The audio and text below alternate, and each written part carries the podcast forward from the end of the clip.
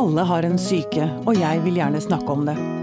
Det er det vi gjør her, sammen med huspsykiater Anne Kristine og en gjest. Dette er Pia om syke. Det er eh, med litt eh, skjelvende stemme og bankende hjerte jeg åpner dagens podkast. Um, det er en spesiell dag, et spesielt tema og en spesiell sammensetning i studio. Vår faste huspsykiater Anne Kristine har vikar i dag. I hennes stol så sitter Grete Dyb. Velkommen til deg. Takk. Du er også psykiater. Um, egentlig barnepsykiater. Mm. Og du har i tillegg spesialkompetanse på uh, tematikken vi skal ta opp i dag, nemlig ettervirkning etter terror. Eh, og du leder det eh, omfattende forskningsprosjektet for Nasjonalt kunnskapssenter om vold og traumatisk stress. Som handler, altså terroraksjonen, hvordan terroraksjonen har virket inn både på etterlatte pårørende og også det norske folk, stemmer det? Ja, det er riktig. Eh, først og fremst så har jeg jobba mest med å følge opp de som var på Utøya. Mm. De som overlevde der ute, og foreldrene deres. Ja. Se hvordan det gikk med dem over tid. Ja. Så du har fulgt opp dem nå i de fem årene som har gått? Ja, vi har, vi har hatt tre sånne runder hvor vi har gjort intervjuer. Og noen av foreldrene har vært med bare i spørreskjema, men alle de som overlevde der ute som har ville vært med, de har vi vært intervjua. Stort sett hjemme hos dem sjøl. Mm. Eh, I den grad de ville det sjøl. Eller så har vi møtt dem f.eks. på BUP eller andre steder da, hvis de ikke ville at vi skulle være hjemme. Ja, og da, øh, før vi går inn i, i tematikken, jeg høre, hvordan har du det? Hvordan har du takla det som person? Det, det som jeg tror har vært veldig hjelpsomt for meg, er at vi har vært et veldig sterkt team som har vært veldig opptatt av å bistå hverandre og hjelpe hverandre. Eh, og det er jo litt sånn som når du sitter på flyet, så må du først ta på din egen maske Ja. før du kan hjelpe andre. Mm. Eh, og det er vel et bilde vi har prøvd å ha i tankene hele veien. Eh, men det har nok vært perioder hvor eh, vi alle har sovet dårlig. Jeg har sovet dårlig. Ja, for du får historiene Ja, vi, får, vi har fått alle historiene til de 325. Eh, Vi har fått historier til veldig mange foreldre som satt hjemme og hadde det veldig vanskelig. Um, vi har reist rundt og intervjua på kveldstid og litt utenfor jobb, og vi har jobba litt mye. Eh, Sånn at innimellom så greier ikke du helt å håndtere det stresset uten at eh, du merker det godt.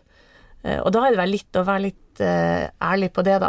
Ja, det er lov det å, det er lov. å, å føle Absolutt. Eh, hvis vi skal forstå dette, så må vi også ha mulighet for å vise empati og prøve å sette oss inn i hvordan de tenkte, hvordan de følte, hvordan de hadde det. Um, så da er det klart at da får, det, får, det erfar får du erfaringer som også har konsekvenser for hvordan du har det sjøl. Ja. Og da, ja. Ehm, vi skal gå dypere inn i, i forskningen deres etter hvert. Um, nå skal vi også ønske velkommen til Cecilie Herlovsen, som Takk. Ja, velkommen hit. Takk. Du var på Utøya. Ja. Du opplevde å bli skutt tre ganger. Ja. Mistet en arm. Ja. Og din beste venninne. Mm. Mm. Eh, det er jo sånn, For meg så blir det nesten liksom, jeg, nå er jeg, jeg er så det er så redd for å si noe gærent. Jeg er så redd for å, å tråkke over grenser. Jeg er så redd for å altså, Ja. Men så jeg må bare spørre deg eller, um, Har du lyst til å fortelle noe om den dagen, eller vil du helst legge det bak deg?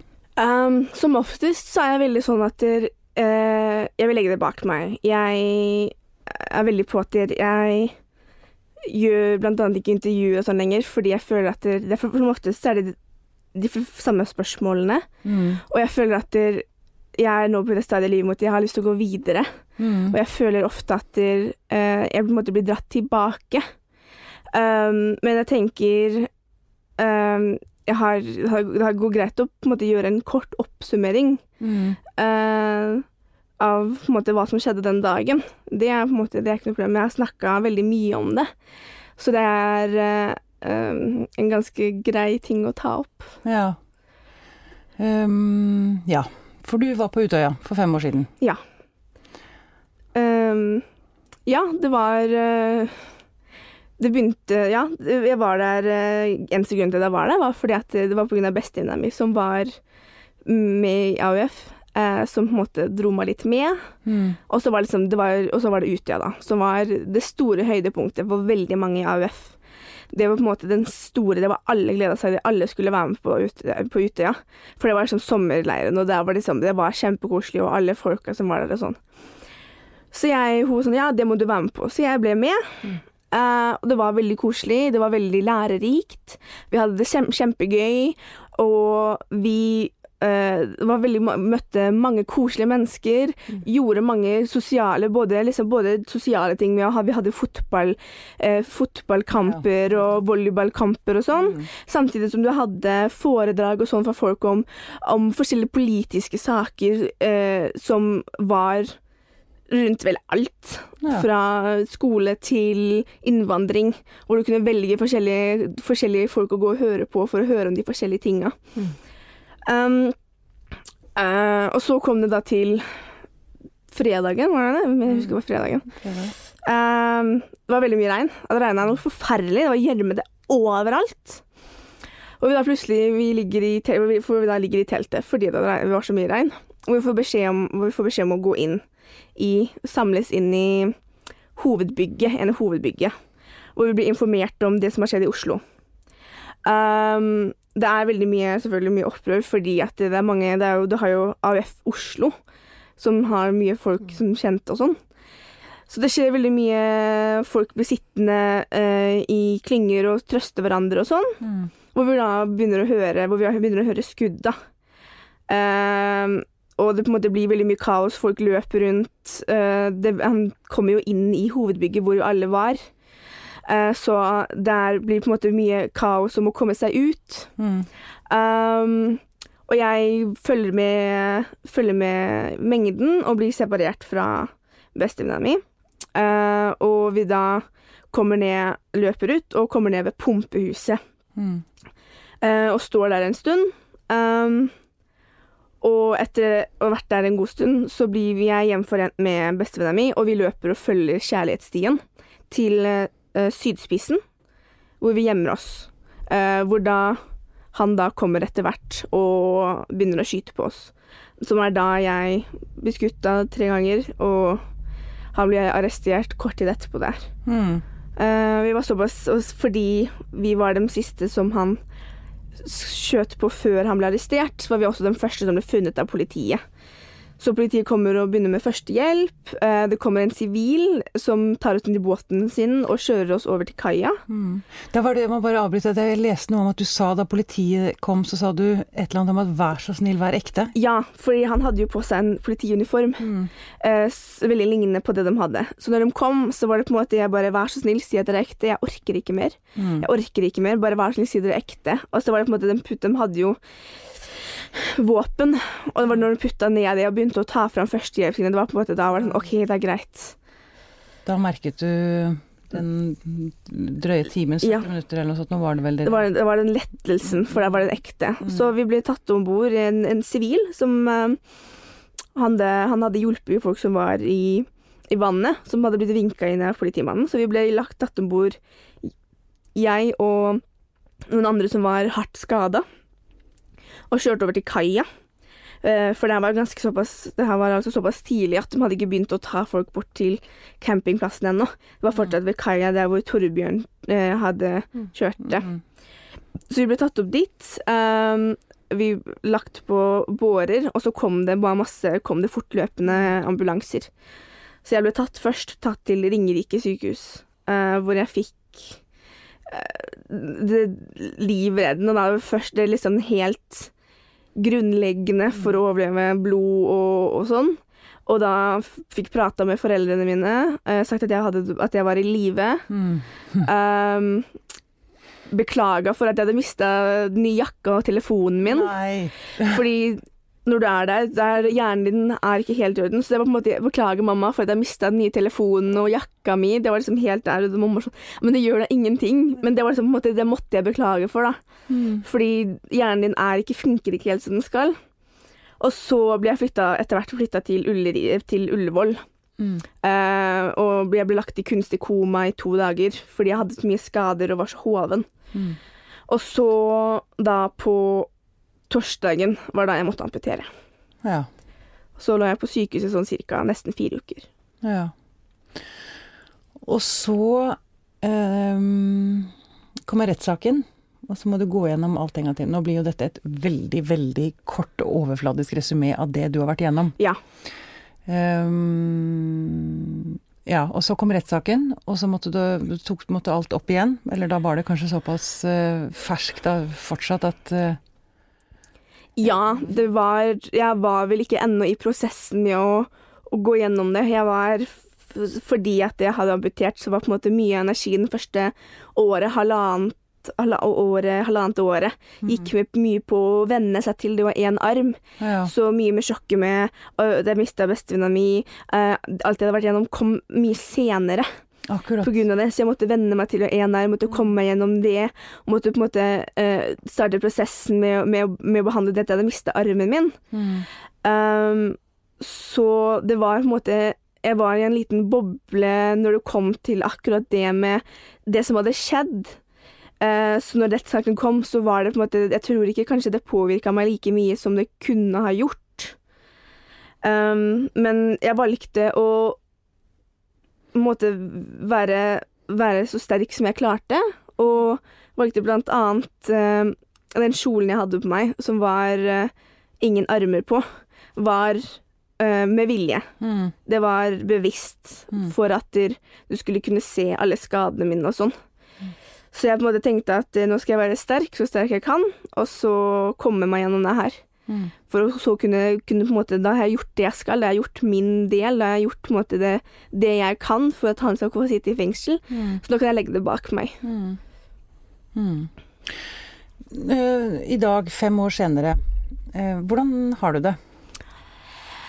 Um, jeg har så lyst til å si bra, men um, jeg sliter. Jeg gjør det. Um, jeg har fortsatt diagnosen med PTSD, uh, og nå har jeg også Jeg sliter også med en uh, veldig av og på kraftig depresjon. Mm. Uh, jeg jo- jobber ikke nå. Jeg gjør, går ikke på skole, ingenting. Så jeg sliter, ja, men jeg har det også bra. Um, det er en veldig rar og vanskelig kombinasjon ved at jeg sliter mye, men jeg har det bra. Jeg har heldigvis mye støtte fra venner og familie, Mm. som veldig ofte som hjelper meg veldig mye. Men det er tungt, og det er veldig vanskelig, og det er vanskelig å se resten av befolkningen på en måte komme seg videre. Ikke, de sliter ikke med det, de har liksom ikke noe vanskelig. Og det er også veldig mange som jeg føler at de skjønner ikke, skjønner ikke det at det, det går an å slite fem år etterpå. Mm.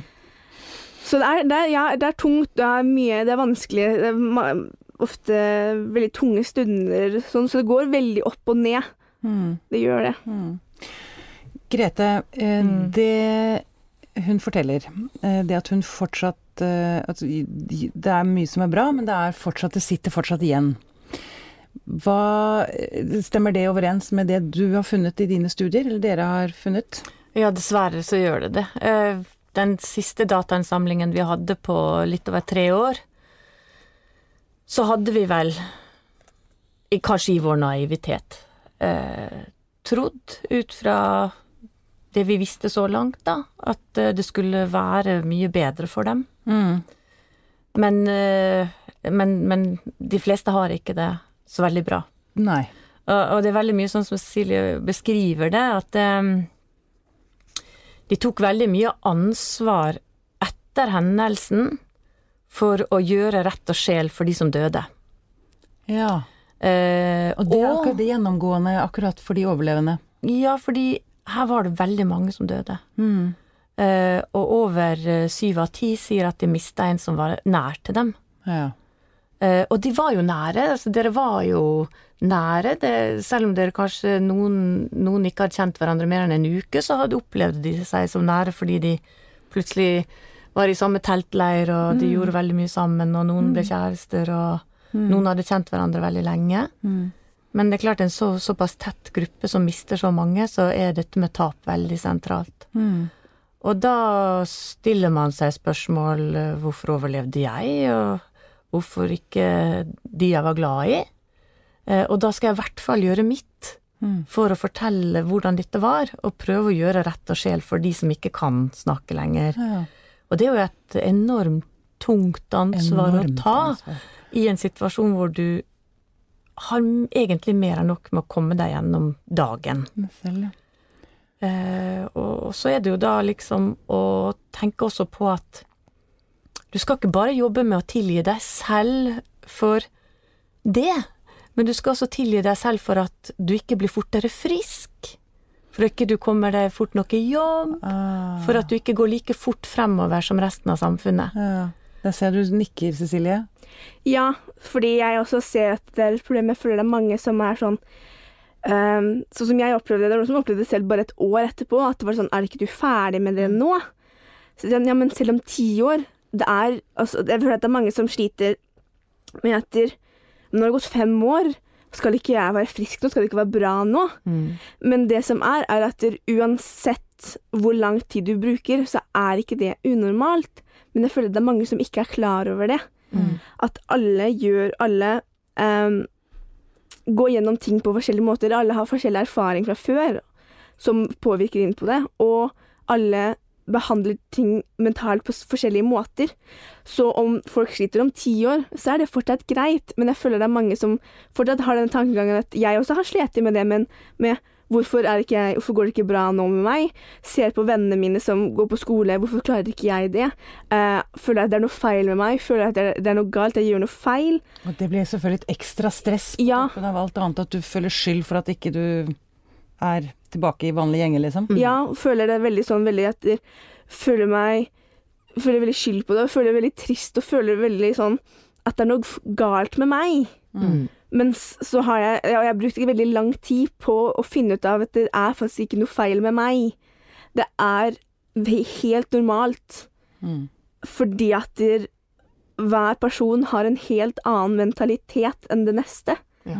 At vi er så forskjellige, så alle vil oppleve en ting på helt forskjellige måter. Mm. Men også, det er vel også godt å høre det at det er, det er gjengs over, liksom. Altså, Ja. mm, alle som er involvert på en eller annen måte, sliter fortsatt på forskjellige måter. Ja, det, eh, det er jo variasjon i en så stor gruppe, selvfølgelig. Ja, selvfølgelig. Ikke sant? Mm. Eh, og- Men hun er ikke alene om Nei, å føle dette? Nei, absolutt ikke. Og vi har gjort, som jeg sa, tre ganger så har vi jo gjort disse veldig, veldig gjennomgående eh, intervjuene som varer i ja, én til to timer, ikke sant. Mm. Og går veldig nøye inn gjennom hva slags ting er det som er vanskelig. Mm. Eh, og, og det er klart det blir en, der er en spredning, men fra første runde hvor vi så at det var veldig mange som slet med veldig mye, det forventa vi. Ja. Eh, Men så hadde vi litt for store forhåpninger om hvor fort dette skulle gå over. Og det handler altså om at eh, det er litt å sammenligne med. Heldigvis, Mm, i norsk skala så har vi litt å sammenligne med. Mm. Men eh, jeg ser for eksempel i forhold til skoleskytingen i Finland, som har vært to, to alvorlige skoleskytinger, så ser vi noe av det samme Ja. som det vi har sett. ja. Og dette er kunnskap som er viktig, for når helsemyndighetene skal vite hva er det vi skal tilby dem, Mm. så må man også vite noe om forløp og hvordan ting går over tid. Mm. Eh, så hjelpeapparatet blir også, kan du si, satt opp litt for optimistisk. Det ble satt opp? Ja, det ble det, den hjelpen som ble satt opp, Mm. eh, var jo at det skulle gis veldig mye hjelp eh, til å begynne med, og den skulle være veldig utrekkende. Den skulle være, man skulle rekke ut mot de som trengte det, ta aktivt kontakt med dem og tilby hjelp, Mm. ikke vente til de selv ba om det. Mm. Og dette skulle man sørge for var kontinuitet i over minst et år. Men, men vi skulle, det skulle nok vært sagt minst, Minst. to-tre år. Ja. Eh, fordi når kommunene da trekker tilbake litt av hjelpen etter et år, så er det fortsatt så- veldig, veldig mange som trenger det. ja, og så får man kanskje da signal om at nå må du være ferdig. Og det er litt av problemet her. Fordi at det, det norske samfunnet, vi som ikke var der, og som ikke er direkte berørt av det her, vi vil jo selvfølgelig veldig fort glemme dette. Vi vil gjerne glemme det, for vi vil ikke huske på hvor galt det gikk hos oss den dagen. Mm. Det og vi orker kanskje ikke å forholde oss til de vonde ikke- følelsene. Vi mm, Vi orker ikke kjenne på den skylden som det kollektive samfunnet har, har mm. for at vi ikke greide å redde dem. Mm. Derfor vil vi gjerne reparere dette raskt. Og snu oss vekk, eller og, ja. Mm. Det, det, det kan gi signaler til de som sliter om at Nei, nå er vi ferdig med det her. ja. Er ikke du også snart ferdig? Mm. Og det er en sånn, det er sånn svik fra storsamfunnet som vi må vokte oss vel for å gjøre. ja. Eh, både hjelpere, media, alle som er rundt i det sosiale nettverket til alle disse menneskene, må vokte seg vel for Ja. å gjøre den feilen. Ja, for jeg har hørt, det, jeg har tenkt på det, jeg har hørt noen sånn perifere mennesker eller venner som har, liksom, har truffet noen som har vært eh, enten pårørende ja, som har hatt lyst til å snakke om det, og så har vedkommende fått Nei, nå, nå holder det, liksom. Nå er vi lei. Mm. Og det er jo helt grusomt. Eh, veldig respektløst, Ja. syns jeg, overfor eh, de som for, Ikke sant, jeg kan jo aldri noensinne klare å sette meg inn i hva du har vært igjennom. Altså jeg, for en ting jeg har tenkt på er Vi har jo snakket om PTSD tidligere i denne podkastserien, da med en soldat eh, som tjenestegjorde i Libanon. Og en stor forskjell jeg har tenkt på, det er at han visste hva han gikk til. Ja. På en eller annen måte. Han var mentalt forberedt. Dere ute på Utøya var jo på et av de tryggeste stedene på denne jord. Og det ser jeg dere har skrevet noe om, eller forsket på dette med å gjenoppbygge tilliten til livet, eller til samfunnet rundt, eller altså bare generell trygghet. Ja. Eh, hva tenker du om det, Cecilie? Um, jeg merker at det, jeg tror det ligger noe i det. Jeg sliter veldig med Jeg er veldig ukomfortabel i store folkemengder. Uh, det skal mye til. Jeg er veldig sånn Jeg stoler ikke på folk så veldig lett.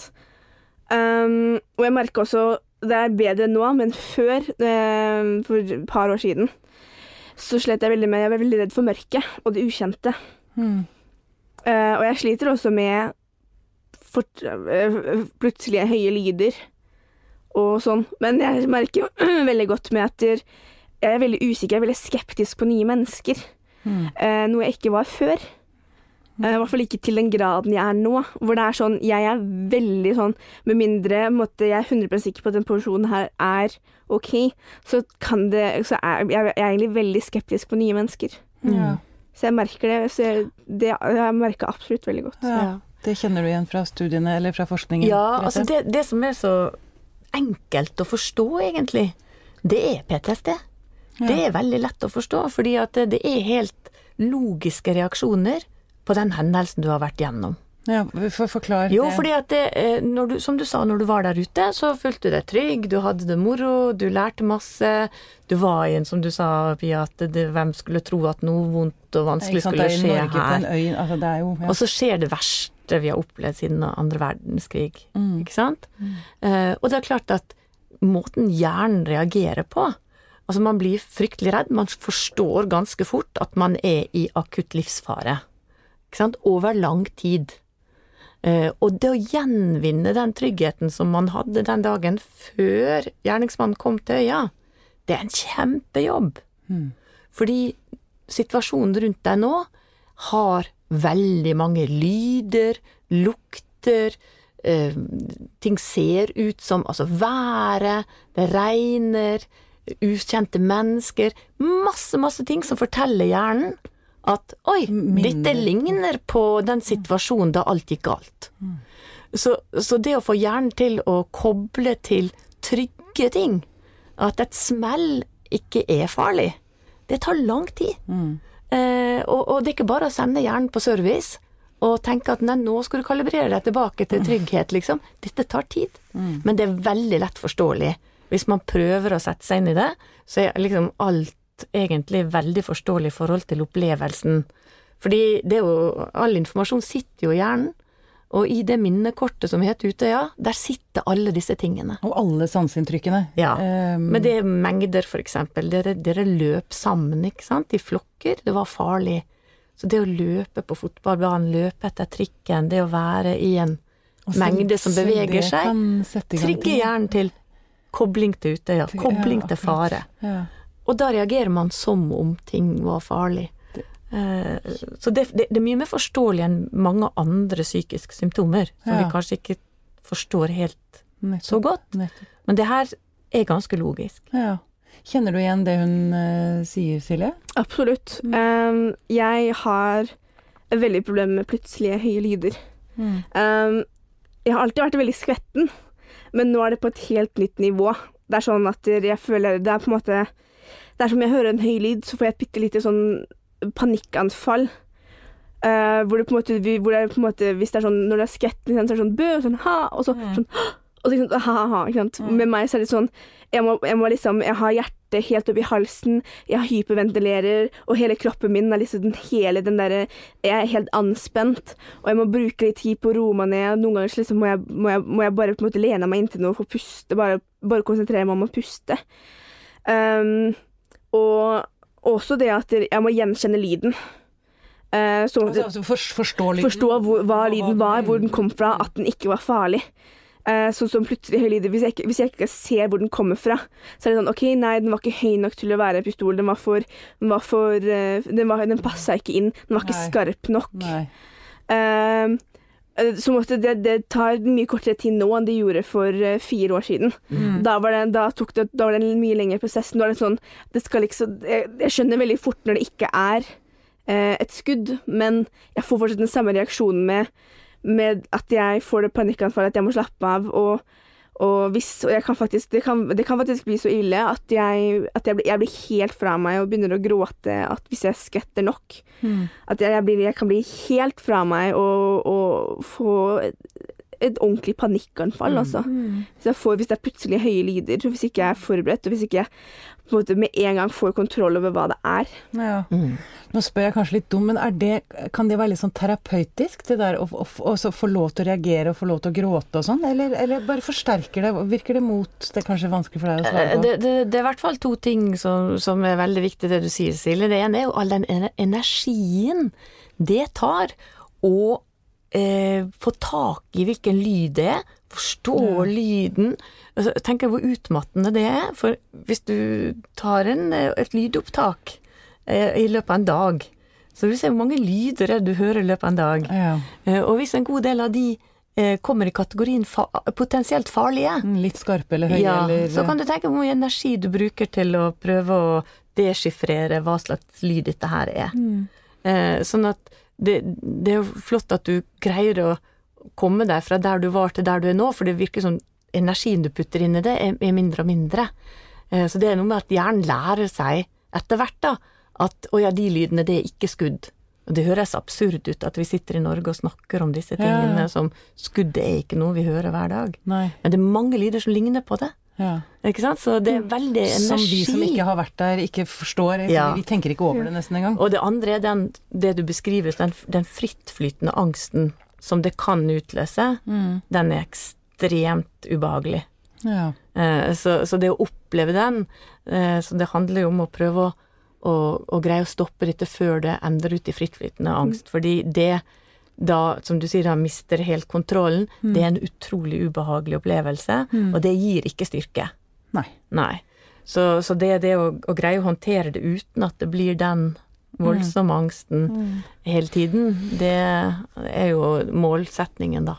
Ja. Jeg har også merka eh, Når du snakker om å bruke mye energi på, øh, ved å se på TV ved å være for, jeg, jeg sitter konstant og er forberedt på at det kan komme plutselig høye lyder, så at jeg ikke skvetter så mye. Det har hjulpet, men det er jo som sagt det går, det går også veldig mye energi i det. Slitsomt å Ja. hele tiden være på vakt. Jeg- Ja, for jeg slet med Mens jeg fortsatt var på sykehuset, så var mamma var konstant der i de nesten fire ukene jeg var der.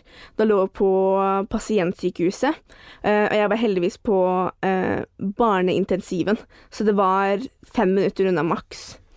Så jeg var sånn på slutten, så, så var jeg mye på hotellrommet og sov der og sånn. Fordi jeg fikk for, for å på en måte komme ut av sykehus, eh, sykehusmiljøet.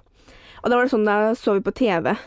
Og det var sånn, idet det var, i det jeg bare så et gevær, så fikk jeg helt panikk. Så at hun ikke var der. Nei, hvis, nei, hvis, jeg, gang, hvis jeg så på TV, med en gang jeg så et gevær, Gevær. eller så et våpen Ja, på. TV-en, så fikk jeg helt panikk. Mm. Og det var liksom, det tok litt tid, men nå, nå går det greit. Nå kan jeg høre, nå kan jeg se på politivideoer og, eller på ting hvor, hvor folk skyter og sånn. Men det er fordi jeg konstant, hver gang jeg ser på TV, hver gang jeg ser på en video, hver gang jeg ser på noe som, som kan ha eh, pistol eller skyte noen, så er jeg konstant sitter og på en måte er forberedt på at det kan komme. Og da har jeg, har jeg ikke den samme reaksjonen, men det er fordi veldig slitsomt og konstant skal sitte og være forberedt på et eller annet, og konstant sitte og tenke at kanskje det skjer noe, kanskje det kommer en lyd som kan skremme meg. Mm. Mm. Har du mye kontakt med andre fra Utøya?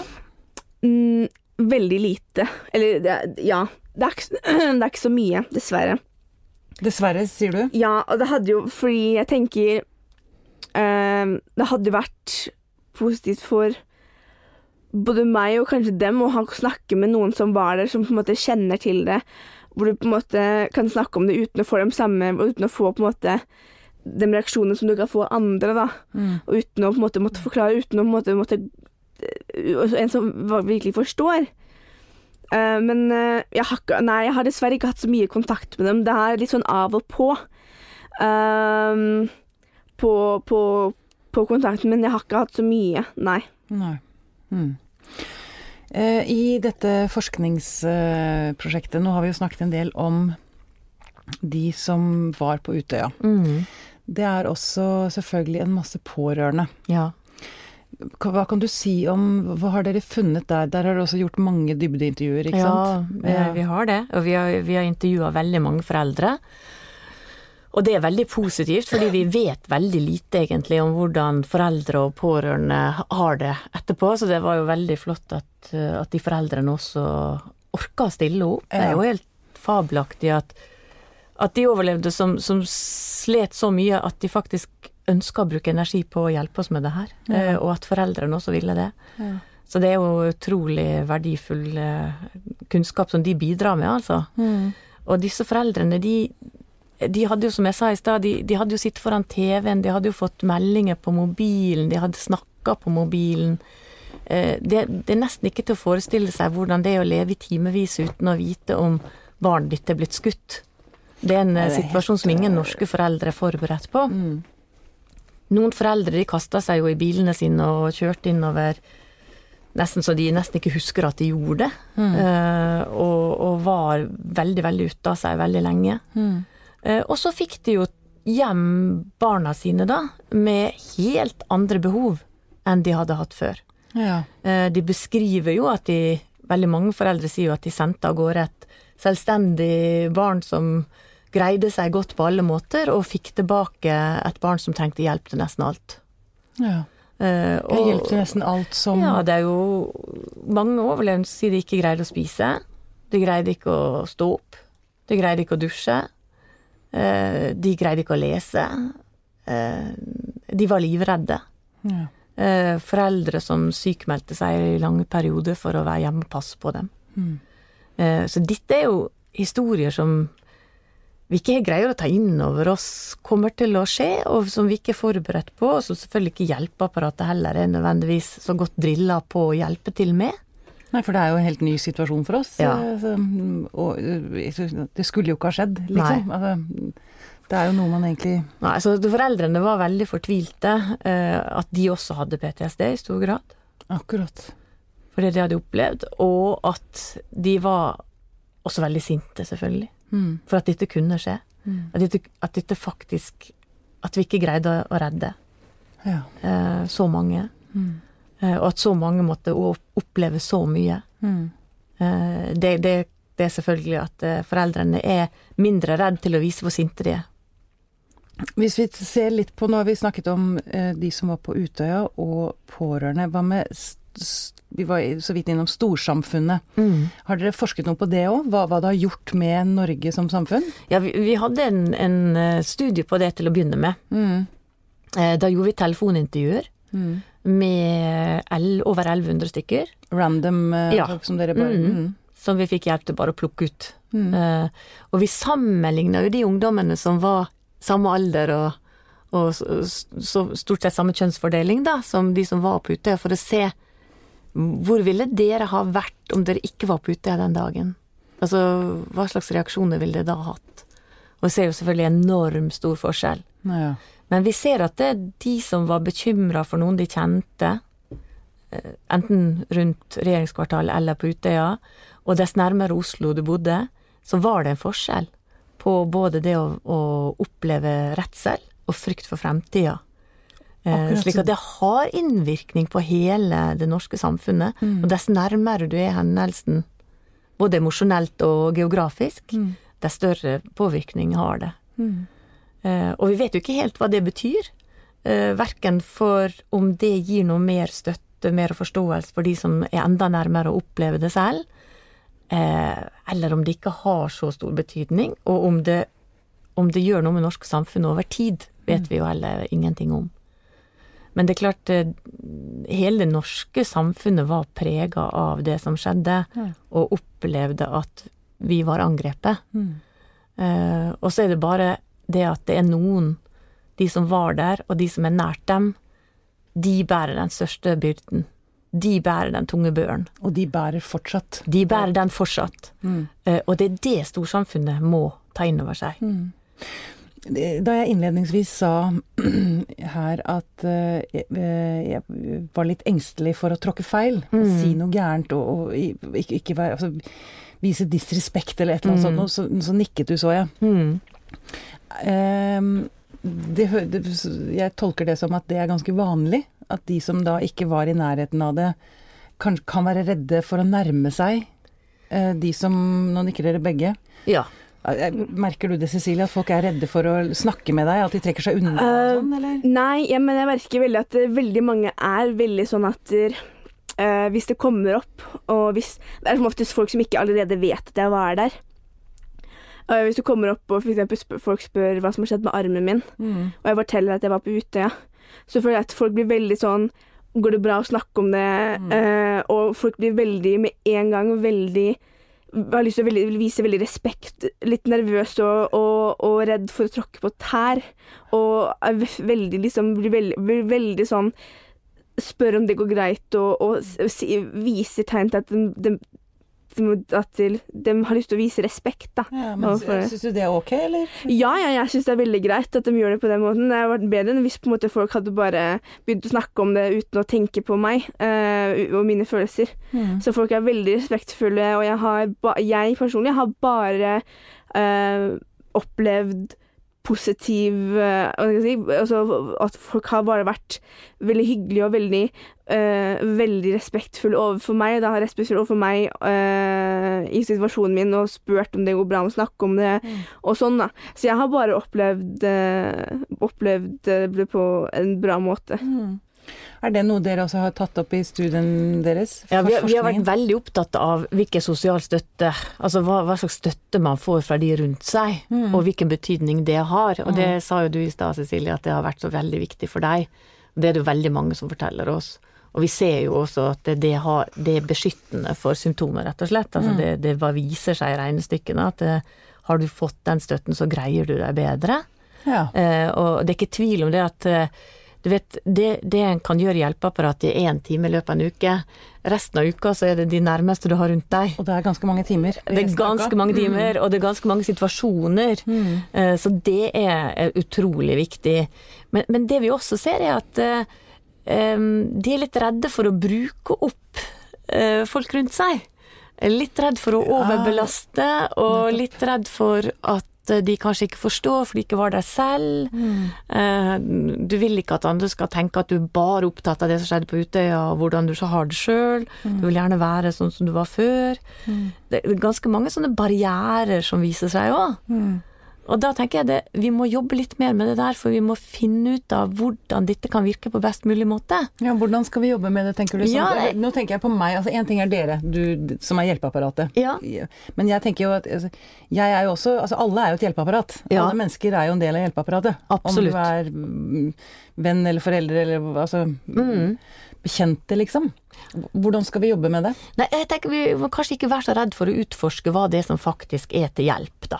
Eh, og, og vi blir jo veldig ofte eh, kanskje litt sånn hobbypsykologer, psykiatere alle sammen, og alle vil snakke om følelsene. Mm. Eh, men er det kanskje det man trenger, er kanskje en som hjelper seg til å komme på trening, eh, invitere på middag, ikke være redd for å være sammen med folk selv om man kanskje har det litt vanskelig akkurat nå. Ja, men kanskje det går an å gjøre noe sammen likevel. Gå Ja. en tur.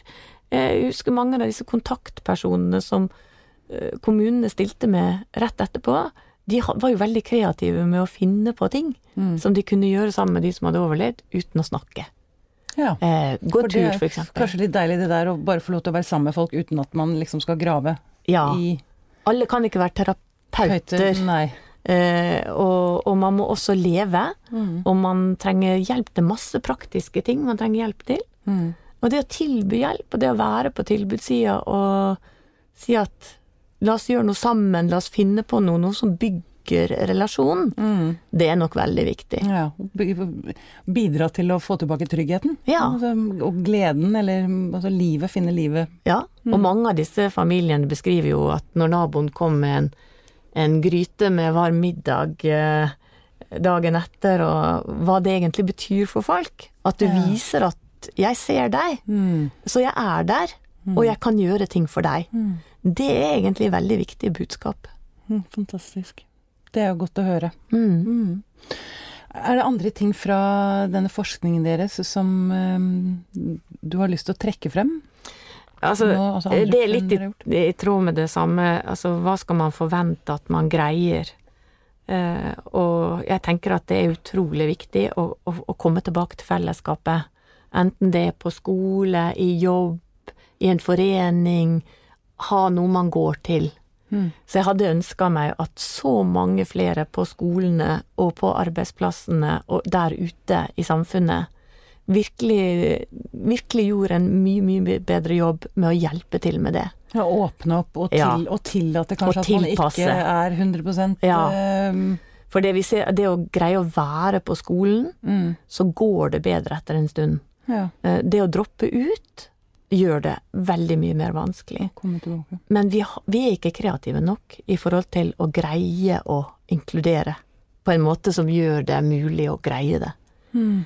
På, verken på arbeidsplasser eller på skole. På skole, ja, hva tenker du om det? Du nikker her, Cecilie. Ja, jeg er veldig enig med det at det, det å gjøre noe gjør det lettere. For jeg har merka at når jeg gikk på skole, eller en stund jeg var utplassert i en barnehage, det var de tidene hvor det var lettest for meg, hvor jeg funka best. Ja. Men nå som jeg ikke gjør noen ting, det blir på en måte Og eh, to år siden, da, jeg også, da også hadde jeg et friår fra skolen, da også merka jeg at det, det går ikke like bra, det å ikke være del av samfunnet.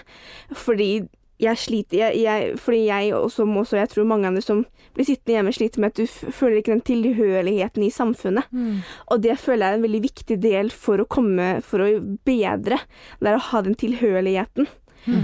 Um, så jeg så tenker at bare det å komme ut, bare det å få gjøre et eller annet, bare det å liksom Kanskje bare én dag i uka å gå på en eller annen jobb hvor du ikke gjør så mye. Men har du, har du en tanke om hvordan du kan Hvordan kan vi hjelpe deg nå, liksom? Hva, hva, hva tenker du om, om hva du hva, hva gjør du for noe nå for å Eller har du lyst på en plass, liksom, et eller annet sted? Ja, Føler du at det er vanskelig å få en plass et sted? ja jeg føler jeg sliter veldig med det, men jeg har mye, jeg har mye fysiske hindringer. Som gjør det vanskelig for meg å Mm. finne en plass. Jeg har armen min, og øh, det er jo ikke bare det jeg tar en arm, jeg har jo jeg sliter med Jeg har jo ikke noe skulder. Som gjør at uansett om jeg har den lille stumpen jeg har, Mm. så er det ikke så mye jeg får gjort med den. Jeg sliter mye med ryggen. Mm. Eh, jeg har mye vondt i ryggen og korsryggen. Eh, jeg har mye feilbelastning og mye vondt der, eh, som jeg også sliter med. Ehm, så det er også et problem for meg. Men jeg har så heldig at jeg har veldig bra støtteapparat. da. Mm. Med at jeg har venner som sender melding ehm, ofte og spør hvordan det går, som ringer. Ehm, og, og familie, da. Men jeg tenker Hvis jeg hadde bare fått et eller annet som var veldig lett, Mm. eh, og bare fordi den får den der tilhørigheten Men også, også, det, jeg tenker også det å gjøre nytte for seg. Altså jeg, Ja. har jo gått så, jeg har også hatt perioder i mitt liv hvor jeg liksom ikke har hatt jobb. Eller, altså, og man føler seg unyttig, Ja. det, og det er ikke noen god følelse. Nei. Så det mm, Det er som å, det er som å, det er som å, det er som å stå ute og titter inn. ja. Det er som du står liksom ute, og du Hva er det, er det piken med svovelstikkene. Mm. Som står ute i kulda og titter inn på familien som koser seg. Du, jeg, føler, jeg føler litt det samme. Du, du ser på andre som på en måte har en plass, og som på en måte har det fint med, med, med, med resten av samfunnet. Og du står på en måte ute og titter inn og på en måte Ja, det var fint å være en del av det. Det er veldig urettferdig at du skal få den på toppen av alt det andre. Mm. Er du ikke enig i det, Vi er jo veldig Og det er nesten vondt å høre på, syns jeg. Fordi jeg tenker at eh, det her må vi, det, dette må vi gjøre mye bedre. Ja. Eh, for Cecilie fortjener å ha en plass i samfunnet som, hvor, hvor du føler deg nyttig, Mm. og du, men også hvor du får nye erfaringer. Mm. For det er jo som at eh, Jeg er ikke tilbake til hjernen hele tiden, da, men altså, det- hjernen trenger også påfyll av nye livserfaringer, ny, ny kunnskap, og det er da den stimuleres Mm. til å også flytte de vanskelige minnene litt lenger bak i den minneboka. Fylle på med nye ting. Mm. Ja, og, og, og positive erfaringer. Mm. Og, og det får man sammen med andre mennesker. Og, og vi, er jo, vi er jo født sosiale. Mm. Eh, vi utvikler oss ikke hvis ikke vi har noen å speile oss i. Eh, og, så det er litt av eh, det å komme videre, tenker jeg da. Og så er faktisk samfunnet sånn at det er faktisk vanskelig å få det til. Eh, så det må være litt, er veldig- litt mer er- kreative alle sammen, tror jeg. eh, Ja, på- og det, må være en oppfordring til Absolutt. eh, både bedriftseiere eller alle som kan ha Kanskje de som hører på, Ja, det er det jeg har en idé. Det er det jeg tenker. Um, det er bare, bare å ta kontakt med meg, eksempel, så kan jeg formidle videre, jeg. Ja. Um, noe dere har lyst til å si, sånn avslutningsvis, om uh, um, jeg har lyst til å si at eh, folk som sliter med andre mentale ting, at um, det finnes ikke en mal på hvordan du skal uh, komme deg etterpå. Det finnes ikke en mal Nei. at du må bare ta det i ditt eget tempo, og ta det som passer deg best. Og at uh, andre, det, er, det er ikke alle som forstår det. Men at du må, du må bare på en måte du er ikke, Det er ikke unormalt, uansett hvordan du takler din din mentale tilstand, uansett hvordan du gjør det, eh, og uansett om du om det tar deg lengre tid enn det andre har tatt. Det er, ingen, det, det, er ikke, det er ikke unormalt, og det er ikke noe galt med deg. Alle tar ting i sitt eget tempo, og det er viktig. Din måte å gjøre det på er riktig uansett. Ja, uansett hva andre sier, så er din måte å gjøre det på er den riktige, så lenge ikke det skader deg selv. Mm. Veldig bra. Grete, hadde du noe Jeg tenker, jeg tenker jo at eh, det er utrolig viktig kunnskap, som jeg har lært mye her i dag òg. Det er veldig viktig kunnskap Mm. eh, for at de som opplever disse tingene, og som bærer det absolutt tyngste ryggsekken, altså At de blir forstått av samfunnet på en bedre måte. Um, og det er jo slik at det er veldig lite kunnskap, selv om det er veldig mange som blir utsatt for forskjellige typer traumatiske hendelser, så har vi faktisk ikke nok kunnskap til å møte dem på en ordentlig måte. Nei. Så vi har en stor jobb å gjøre. Ja. Og jeg er Det- veldig glad for at alle disse ungdommene som stilte opp og delte det med oss, det er verdifullt. Mm. Veldig bra. Grete Dyb og Cecilie Herlovsen, tusen hjertelig takk for at dere kom. Takk for meg.